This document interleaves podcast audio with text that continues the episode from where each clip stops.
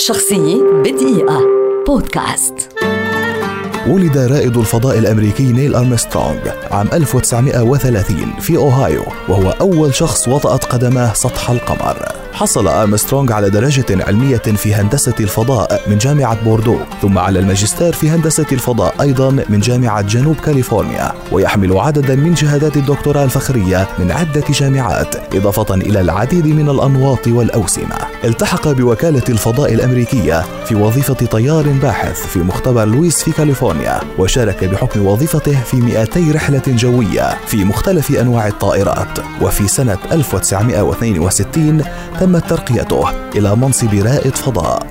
في أول رحلة فضائية لأرمسترونغ قاد مركبة جيميني ثمانية عام 1966 وقام خلال هذه المهمة مع ديفيد سكوت بإجراء أول عملية التحام مركبتين فضائيتين تتم بواسطة إنسان. كما قاد أرمسترونغ طاقم رحلة أبولو 11 والتي هبط فيها على القمر مع ألدرين في الحادي والعشرين من يوليو عام 1969 وكانت هذه الرحلة الثانية له. توفي أرمسترونغ عن عمر يناهز الثانية والثمانين. في مستشفى بأوهايو وذلك بعد خضوعه لعملية جراحية في الشرايين التاجية عام 2012 شخصية بدقيقة.